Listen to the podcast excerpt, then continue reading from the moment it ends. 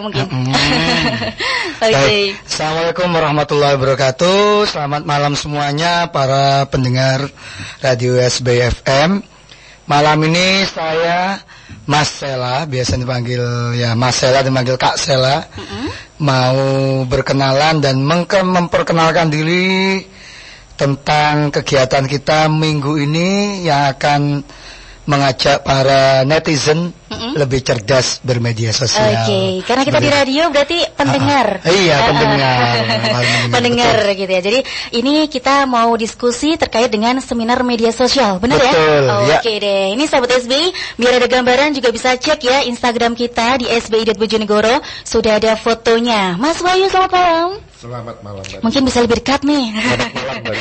Oke, kabarnya baik ya? Baik, Mas harus Sela baik juga ya? Baik, alhamdulillah. Ini Sobat SB di Bojonegoro Kota lagi hujan deras, tapi demi memberikan informasi ya terkait media sosial, ini sudah hadir di studio kita. Mas Wahyu boleh perkenalan mungkin dari nama, asalnya juga.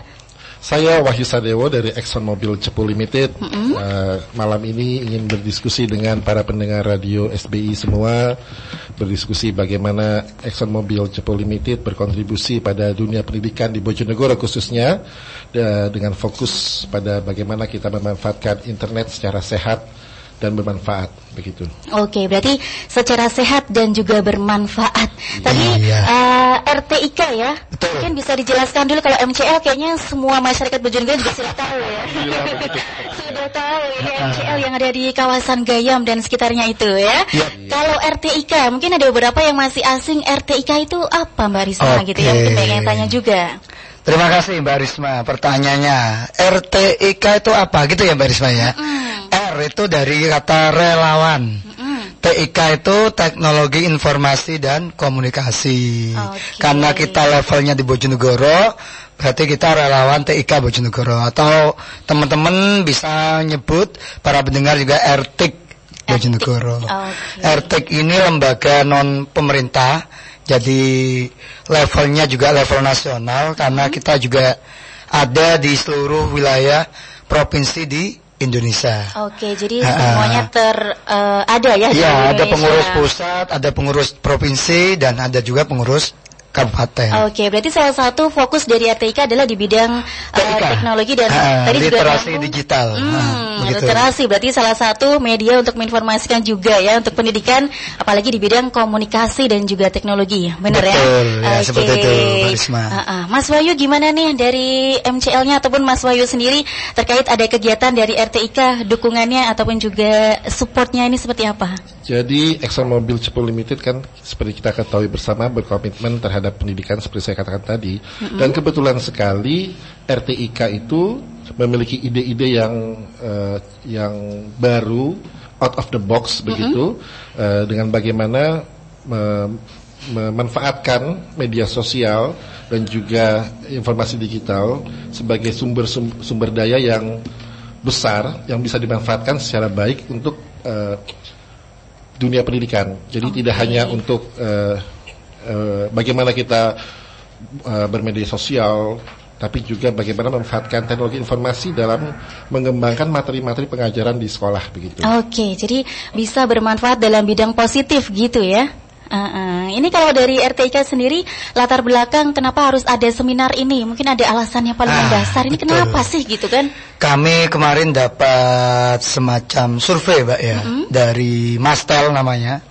Ini memang survei ini sudah di share secara nasional bahwa fokus kita acara kita pada minggu ini yaitu lebih penekanannya pada cerdas bermedia sosial, Oke. khususnya di bidang hoax atau hoax.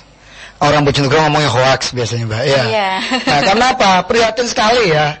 Akhir-akhir ini dengan hanya sekedar tangan kita yang mungil, jari-jari kita yang mungil, hanya cuma satu detik share gitu aja, Iya. atau yang di WA copy Jadikan, paste, heeh. itu bisa mengerahkan massa. Oke. Dan itu pun info-info yang kita terima dan yang kita share tuh kadang-kadang masyarakat Indonesia ya lebih-lebih Bojonegoro karena saya juga sering dapat info-info seperti itu.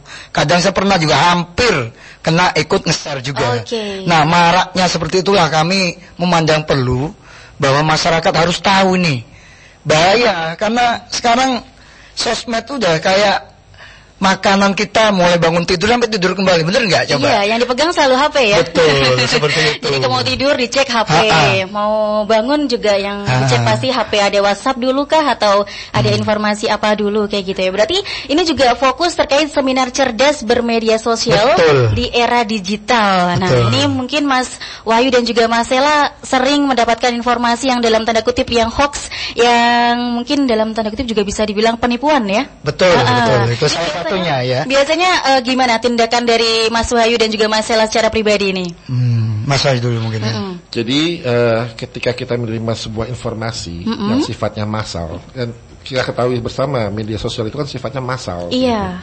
Yang perlu kita lakukan adalah bagaimana eh, kita melakukan check and recheck terhadap sumber dari eh, informasi tersebut dan sebetulnya ada banyak sekali eh, cara bagaimana kita kemudian bisa menge- mengetahui ini berita ini betul benar atau sekedar eh, suatu yang dibuat-buat begitu. Oke, berarti kurang terpercaya. Ya. Dan bagaimana detailnya? Ayo kita datang. Nah, seminarnya RTIK nanti eh, di hari Minggu ya? Ah, betul. informasinya nanti lebih lengkap kita jelaskan di segmen selanjutnya ya. Nah, ini sahabat di setiap hari Jumat ya, seperti biasa di Suka-Suka selalu menghadirkan lagu-lagu indie dari band ataupun juga solois yang ada di Bojonegoro. Dan yang pasti di menit 15 juga ada Tahukah Sahabat, ini Mas Wahyu dan juga Mas Sela.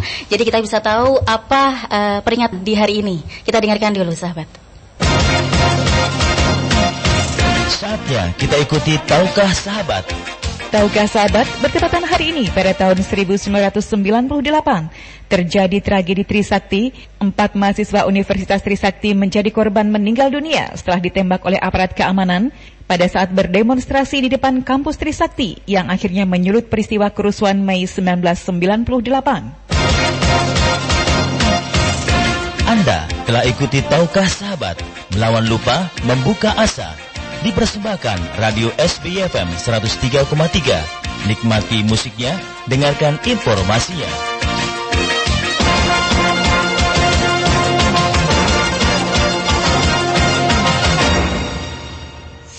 Buat sahabat SBI, Yakult minuman susu fermentasi yang diproduksi secara higienis. Relawan Teknologi Informasi dan juga Komunikasi. Bener? Oke. Betul, ya.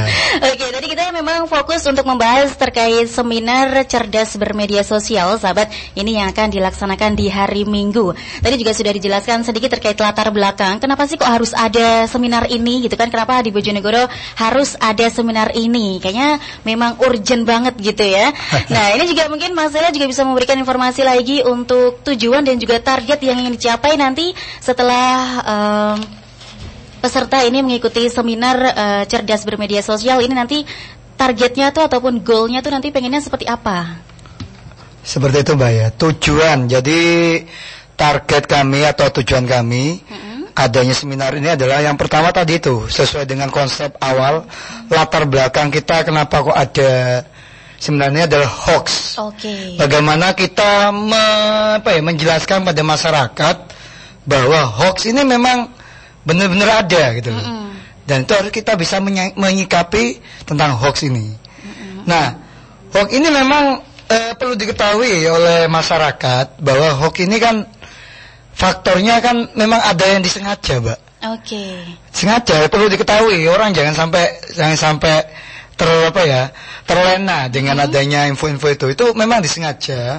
Mm-mm. Terus ada juga yang niatnya menghancurkan lawan, menghasut dan sebagainya itu.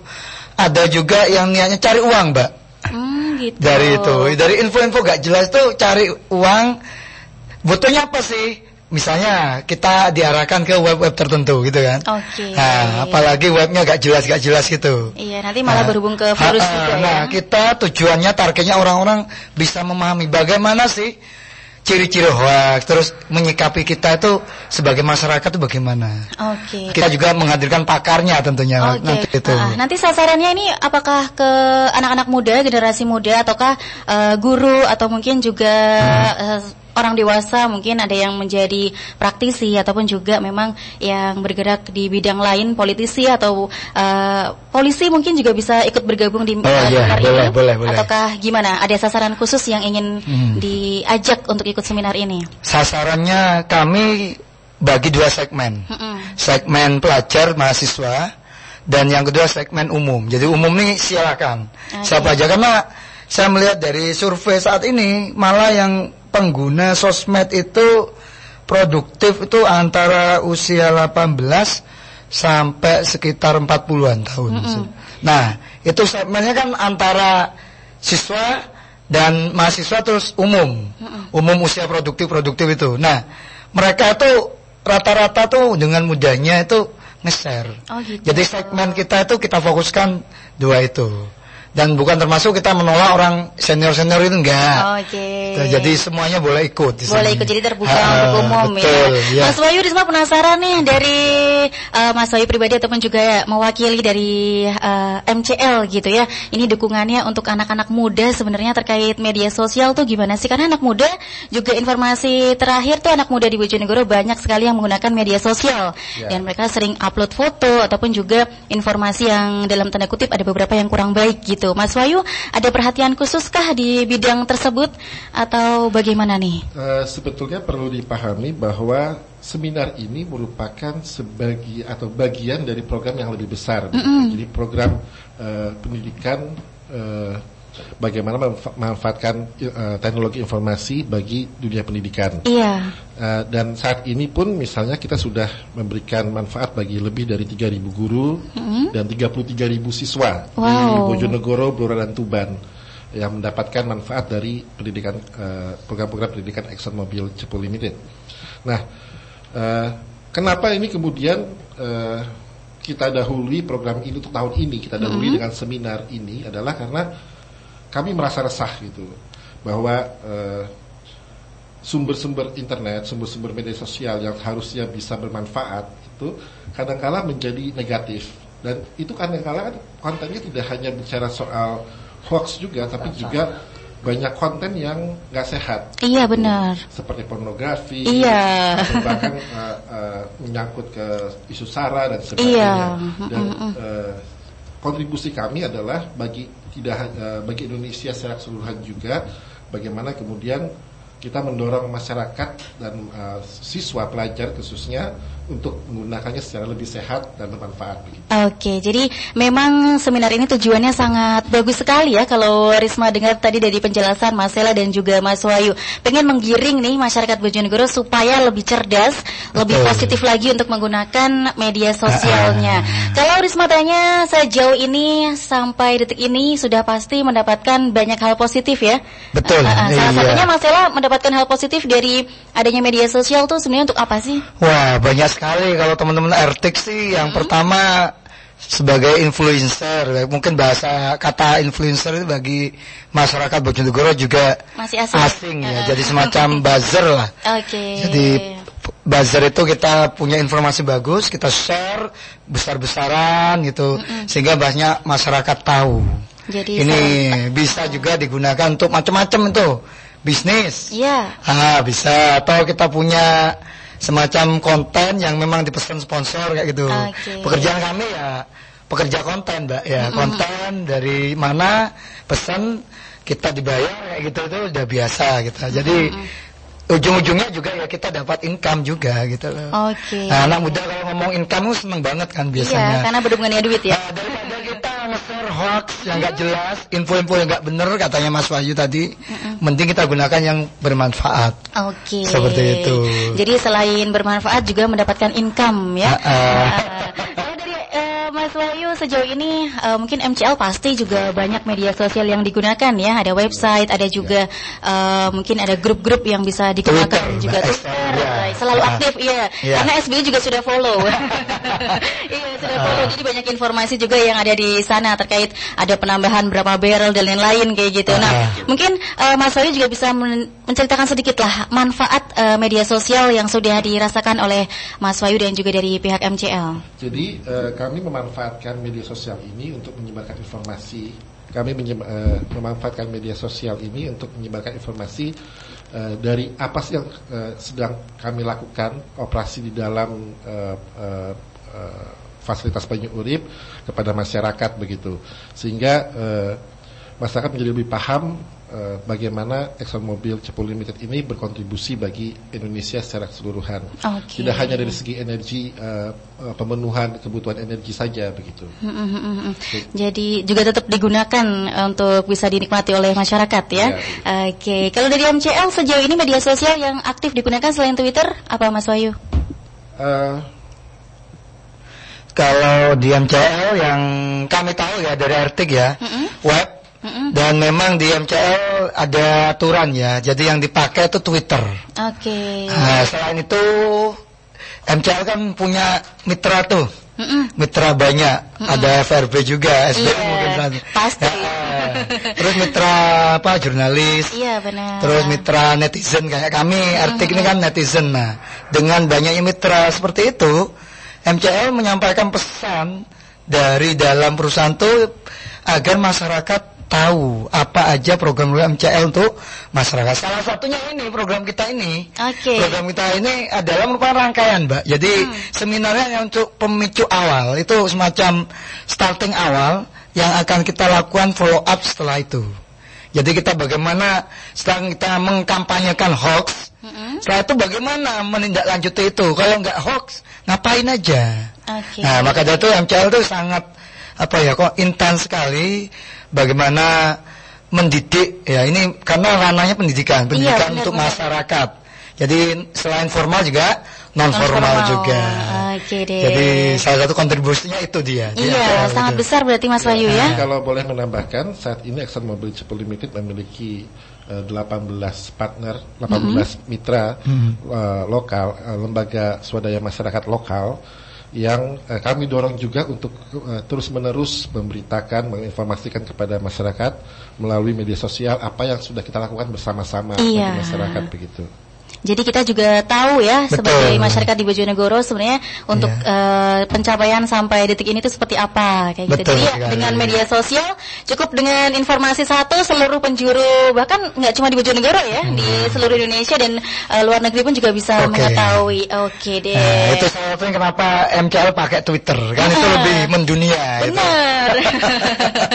Oke jarang ya untuk bisa di blok kalau Twitter. Ah, itu dia, ya. Benar banget deh. Ah. Nanti kita lanjutkan soal kapan dan di mana. Ini Oke. lokasinya seminar ini belum dijelaskan juga Ya. ya. Nanti kita bahas lebih lanjut lagi sahabat. Ini ada yang request dari 580. Ini request lagunya The Butter dengan Bahagia Untukmu. Ini salah satu lagu dari band Bojonegoro juga. Oh, matoh itu ya. Mm-mm, mungkin Mas Sele dan juga Mas Wahyu punya adik-adik ataupun juga punya kenalan yang punya band ataupun yang solois suka nyanyi Oh, boleh, juga boleh, sudah boleh. punya lagu. Nah, ini bisa dikirim ke Radio SBY FM. Siap. Ada juga yang to Glass ini yang request lagunya Glass yang sadarkah. Ini ada beberapa yang sudah tanya terkait eh, seminar besok dan jangan lupa sahabat nanti akan ada beberapa pendengar yang terpilih nanti akan mendapatkan tiket gratis untuk bisa ikut seminar ya.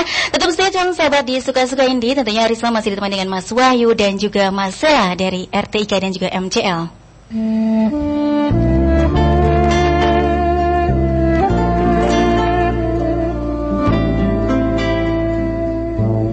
Beruntunglah orang yang merendahkan dirinya, baik mata pencariannya yang halal, baik hatinya, dan baik sikapnya, serta ia menjauhi manusia dari kejahatannya. Beruntunglah orang yang mengamalkan ilmunya, menginfakkan sebagian dari hartanya, dan menahan mulutnya. Hadis riwayat Bukhari.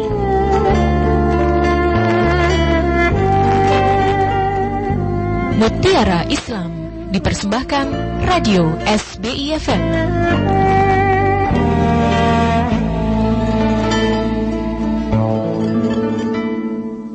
Jangan lupa dibayar sekarang ya, nak. Iya, mah. Uh, sekarang-sekarang. Emangnya mesti sekarang. Kenapa sih mbak kok ngomel sendiri? Ini mau bayar iuran JKN KIS. Hmm. Mamahku bilang harus bayar tepat waktu. Mm-mm. Besok-besok juga bisa kan? Nah, itulah bagusnya ikut kepesertaan JKN KIS. Kita jadi belajar disiplin. Iuran paling lambat dibayar tanggal 10 setiap bulannya. Kalau nggak nanti nyesel loh. Kok nyesel? Emang kenapa? Kalau nunggak lebih dari satu bulan sejak tanggal 10, status kepesertaannya jadi nonaktif dan BPJS Kesehatan akan menghentikan sementara penjaminan pelayanannya. Oh gitu. Kalau tunggakannya dibayar? Ya aktif lagi, tapi kalau kebetulan kita menjalani rawat inap di masa 45 hari sejak status kepesertaan aktif kembali, kita akan kena denda 2,5% dari biaya pelayanan kesehatan untuk setiap bulan tertunggak. Wah, rumit gitu ya? Ya kalau nggak mau rumit, lakukan aja hal sederhana. Bayar iuran JKN KIS tepat waktu tiap bulan, dijamin tenang. Oke mas, saya bayar lewat auto debit rekening saja, biar tenang. Untuk informasi hubungi BPJS Kesehatan Care Center di 1500 400.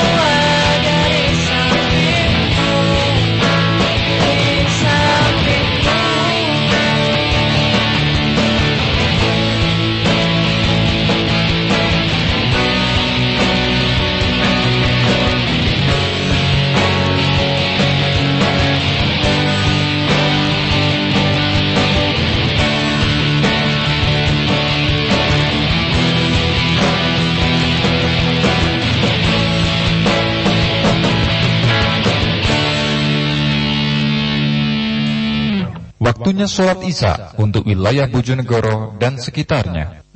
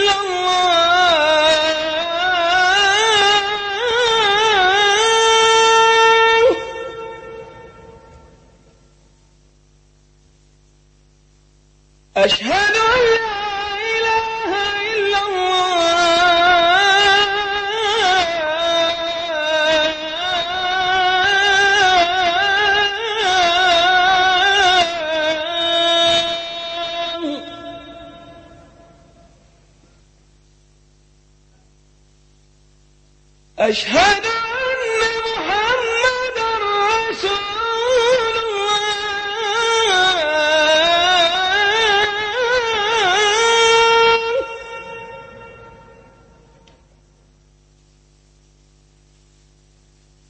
أشهد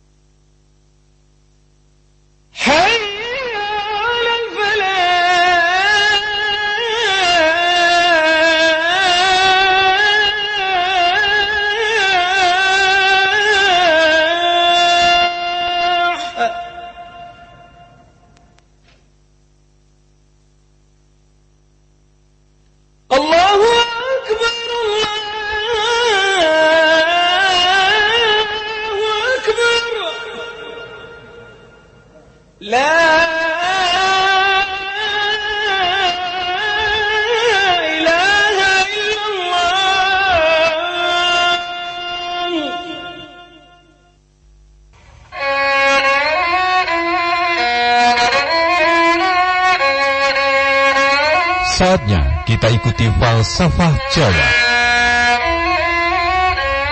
Endas petak ketiban empyak.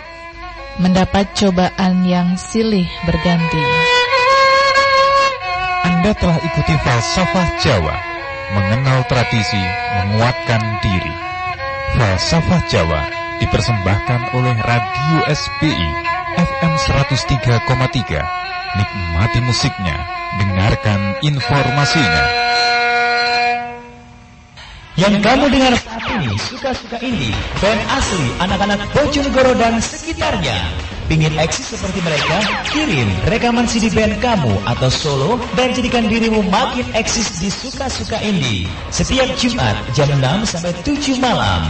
Hanya di Radio SPFM, Jalan Untung Suropati 82 Bojonegoro. Request lagu favorit kamu di 0823 3264 4333 atau di halaman Facebook kami Sahabat SBFM. Suka Indi, sahabat dan Risma juga masih ditemani dengan Mas Wayu dan juga Mas Sela. Kalau Mas Sela, Risma kenalkan lagi beliau ini dari RTIK. Kalau Mas Wayu dari EMCL Bojonegoro. Bener nggih? Nah, Soalnya di sini juga nggak cuma Mas Sela dan juga Mas Wayu ya. Ada Mbak Rara juga dari EMCL, ada juga Mas Mas Mas-mas dari RTIK pokoknya Mas ya. Iskan. Mas Iskan ya. Oke. Jadi sebenarnya radio SBI ini rame kebanyakan tamu Rame ya. betul. Sampai gak muat ini, Mbak Iya ya. bener, sama ini fansnya di luar bertepuk tangan ya. Oke deh. Ini kita lanjut lagi terkait seminar eh, cerdas bermedia sosial. Banyak yang bertanya-tanya juga. Ini udah dijelaskan juga latar belakangnya, tujuannya. Terus ini kapan mau dilaksanakan? Ini ceritanya lo kapan? Kalau ceritanya udah dilaksanakan tadi kan kayaknya juga informasinya sudah basi ya. Heeh, ini kapan Mas? Bisa dijelaskan lagi? Iya, acara ini judulnya ya.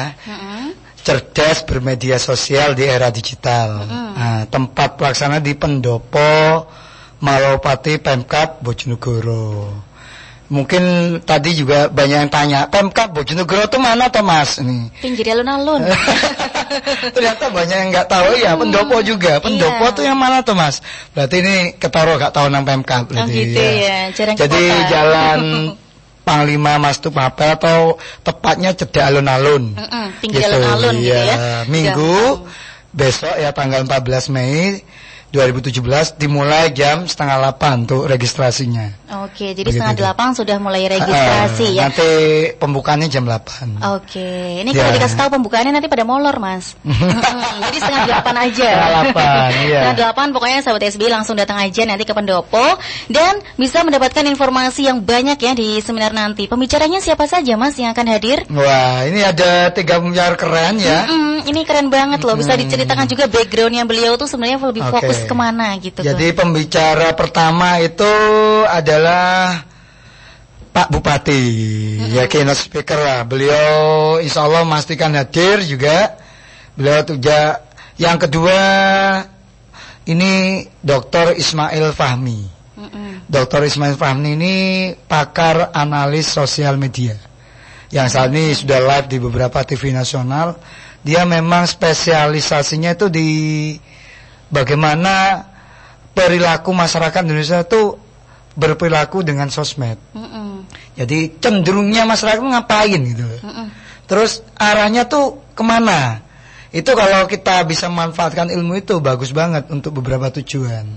Terus dia juga lebih keren lagi ini orang Bojonegoro ternyata. Iya, telusur, itu? telusur Mas Fahmi itu. Oh, Telusur punya telusur beliau itu dulu lulusan dari SMA 1.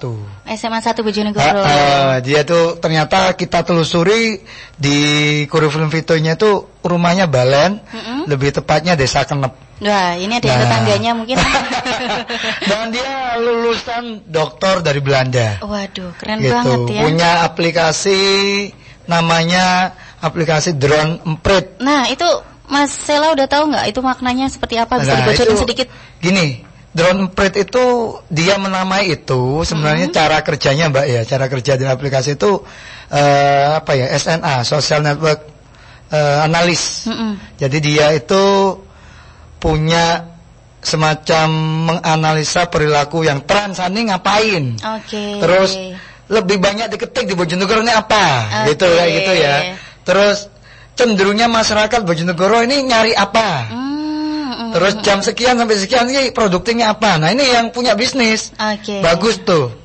Daripada Oke, oke, nge-hoax aja ya. Ah, bener banget. Ah. Tapi jikanya jangan diceritakan lebih banyak ya. Jadi biar nanti sahabat SBY biar langsung datang.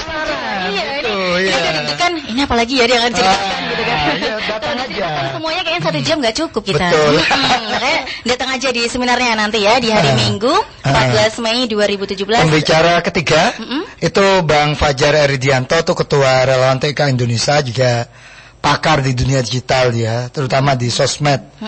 Kaitannya dengan pendidikan juga dia. Sebenarnya Berarti itu. sudah eh, mahir alias ahli di Ah, bidangnya iya. semuanya ya. Semuanya. Oke, Mas Wahyu tadi kan juga sudah disebutkan ada beberapa yang dari Bojonegoro yang sudah mendunia juga kayak Ya. gitu. Nah ini MCL sejauh ini berarti juga sudah banyak kegiatan yang dilakukan untuk membentuk dari pemimpin-pemimpin alias bibit-bibit muda yang ada di Bojonegoro ya, Ya, benar. betul. Jadi uh, salah satu kegiatannya adalah dengan membantu uh, RTIK dan juga mensupport secara penuh. Atau mungkin ada beberapa hal kegiatan lain dalam pemberdayaan masyarakat atau juga dalam membentuk uh, pemimpin-pemimpin muda yang ada di Bojonegoro. Wow, banyak sekali sebetulnya. Mm -mm.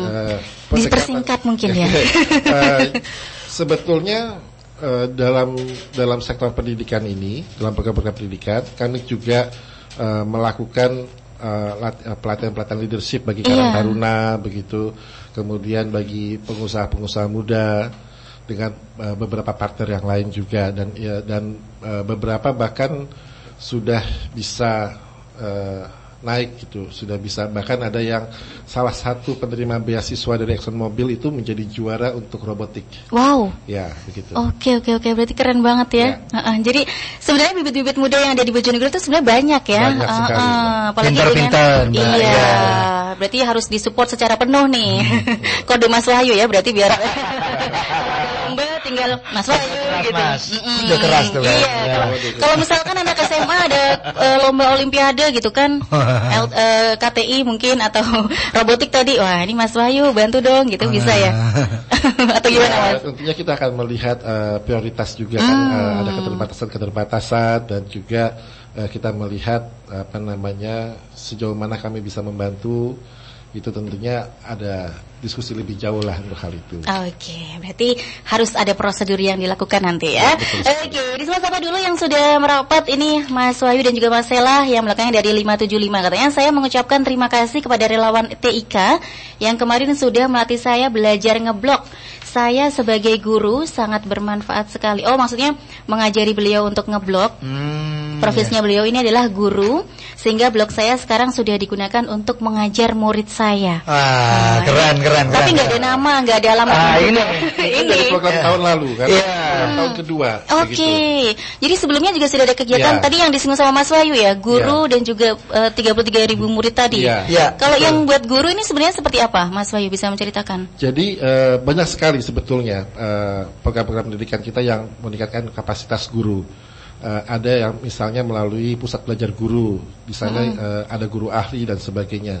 Dan khusus untuk program bersama RTIK tahun lalu itu kita melatih berapa guru, Mas Sela? Itu yang kita latih kurang lebih kalau semua program kita harus 100 100 guru di uh, berapa sekolah? Di 20 20 sekolah. 20 sekolah. Oke, berarti ya. banyak ya sudah. Jadi tahun ini tindak lanjut dari kemarin, Mbak, gitu loh. Hmm. Cuma penerima manfaatnya kita kembangkan lagi. Mm -hmm. Kalau kemarin wilayah timur, mungkin tahun ini kita kembangkan ke wilayah mana sesuai dengan arahan dan masukan dari dinas pendidikan tentunya. Ya, jadi kami uh, bekerja sama dengan uh, tetap uh, dalam tetap iya kita tetap komunikasi dengan ya. pejabat yang berwenang seperti okay. itu.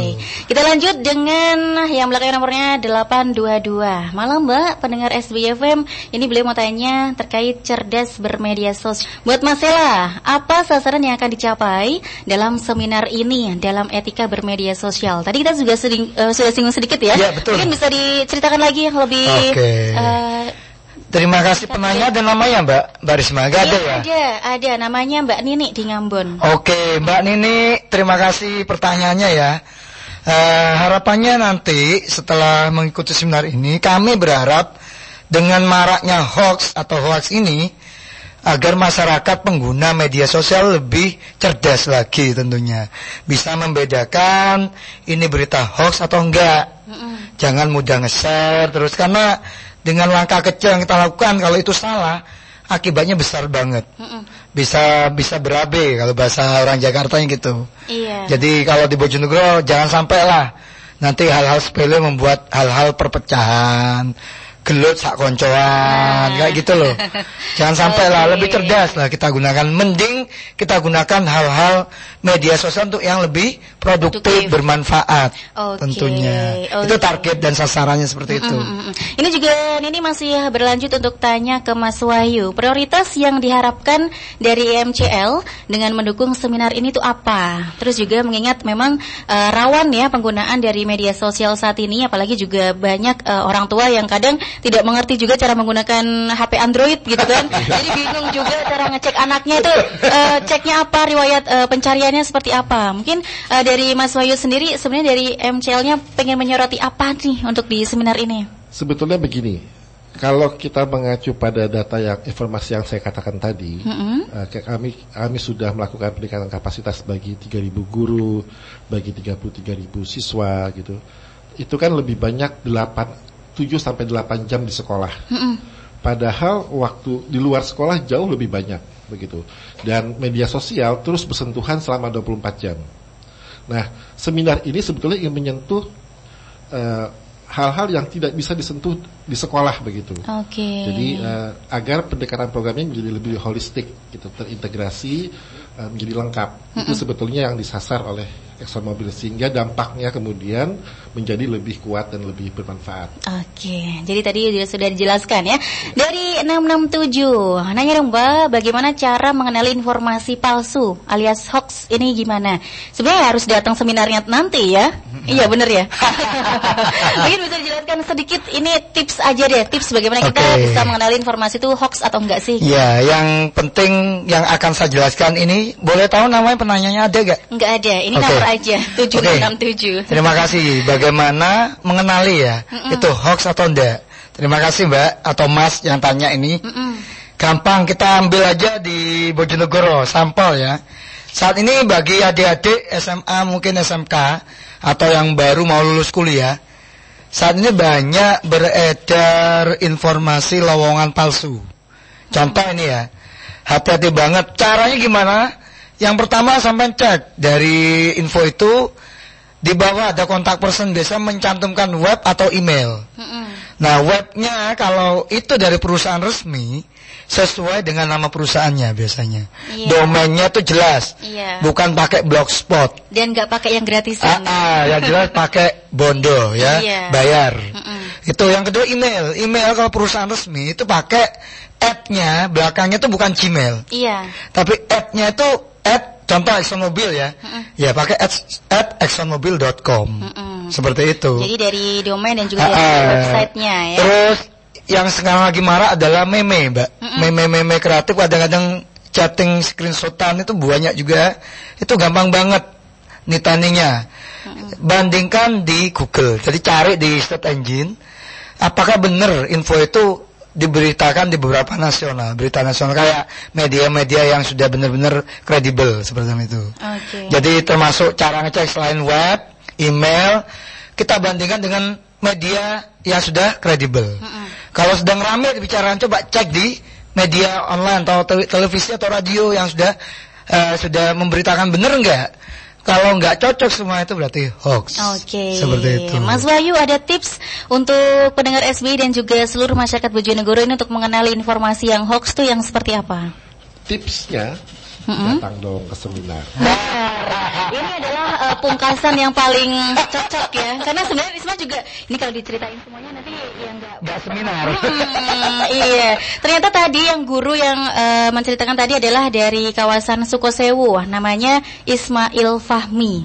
Mungkin masih kenal. Nah, lah iku pembicaraan nih lah iku. Oh gitu.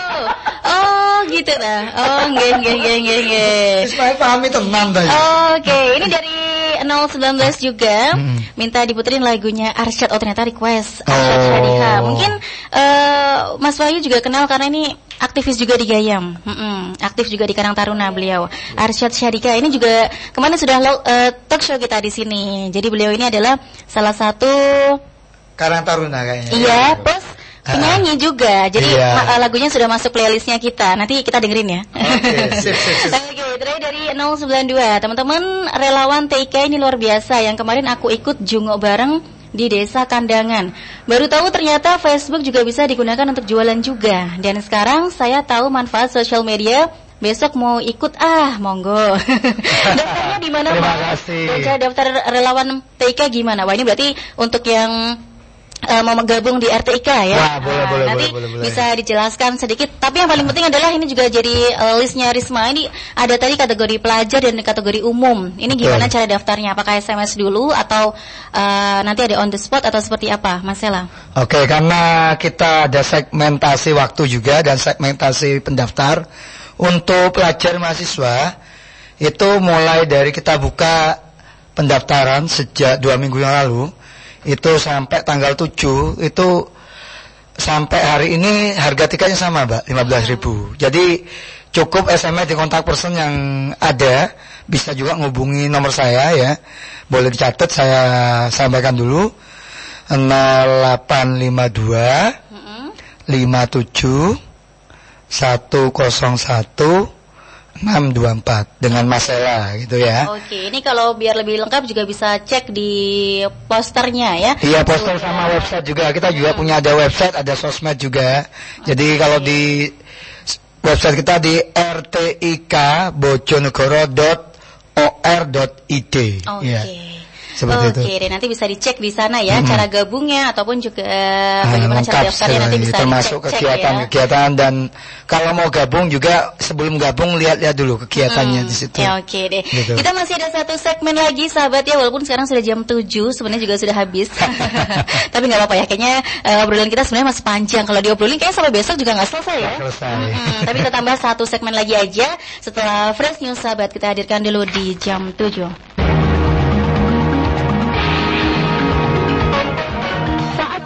Kita dengarkan Fresh News.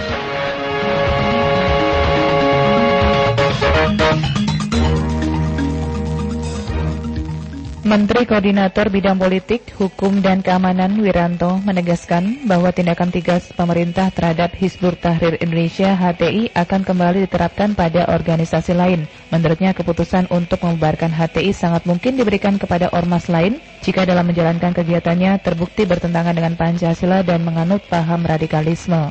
Pemerintah akan terus mengawasi sepak terjang ormas di Indonesia. Wiranto mengimbau semua pihak untuk memahami masalah pembubaran ormas se- secara jernih, proporsional, dan konkret sehingga tidak perlu ada perdebatan yang lebar. Demikian Rianti, sumber berita Kompas.com. Fresh News, persembahan 103,3 SBI FM. Nikmati musiknya, dengarkan informasinya.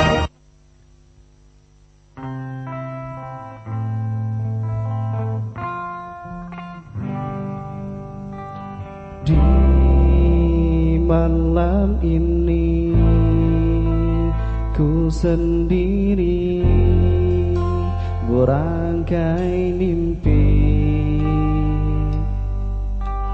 Di pagi nanti ku tertatih mengejar mimpi Sadarkah kamu yang selalu di hatiku. Tahukah kamu bahwa ku cinta padamu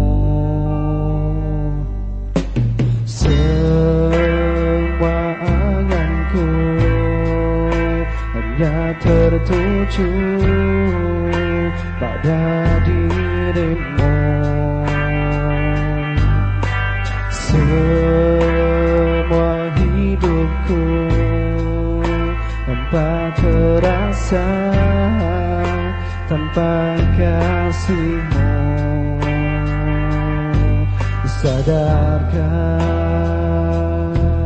kamu yang selalu di hatiku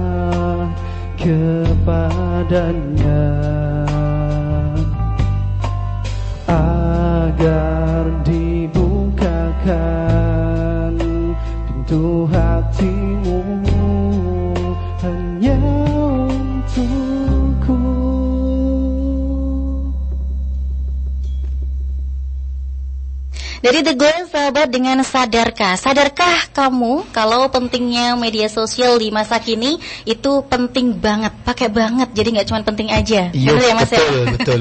penting banget nah. Bingits, ya. Mm, bingits ya kalau bahasanya anak gaul. Oke, deh, kita udah masuk eh, segmen terakhir dari Mas Wahyu dari MCL selaku juga support yang paling utama nih ya terkait dengan adanya seminar ini ada pesan ataupun juga ada hal-hal yang perlu disampaikan untuk seluruh sahabat SBI yang sedang mendengarkan nih. Ah, ya, terima kasih Mbak Risma.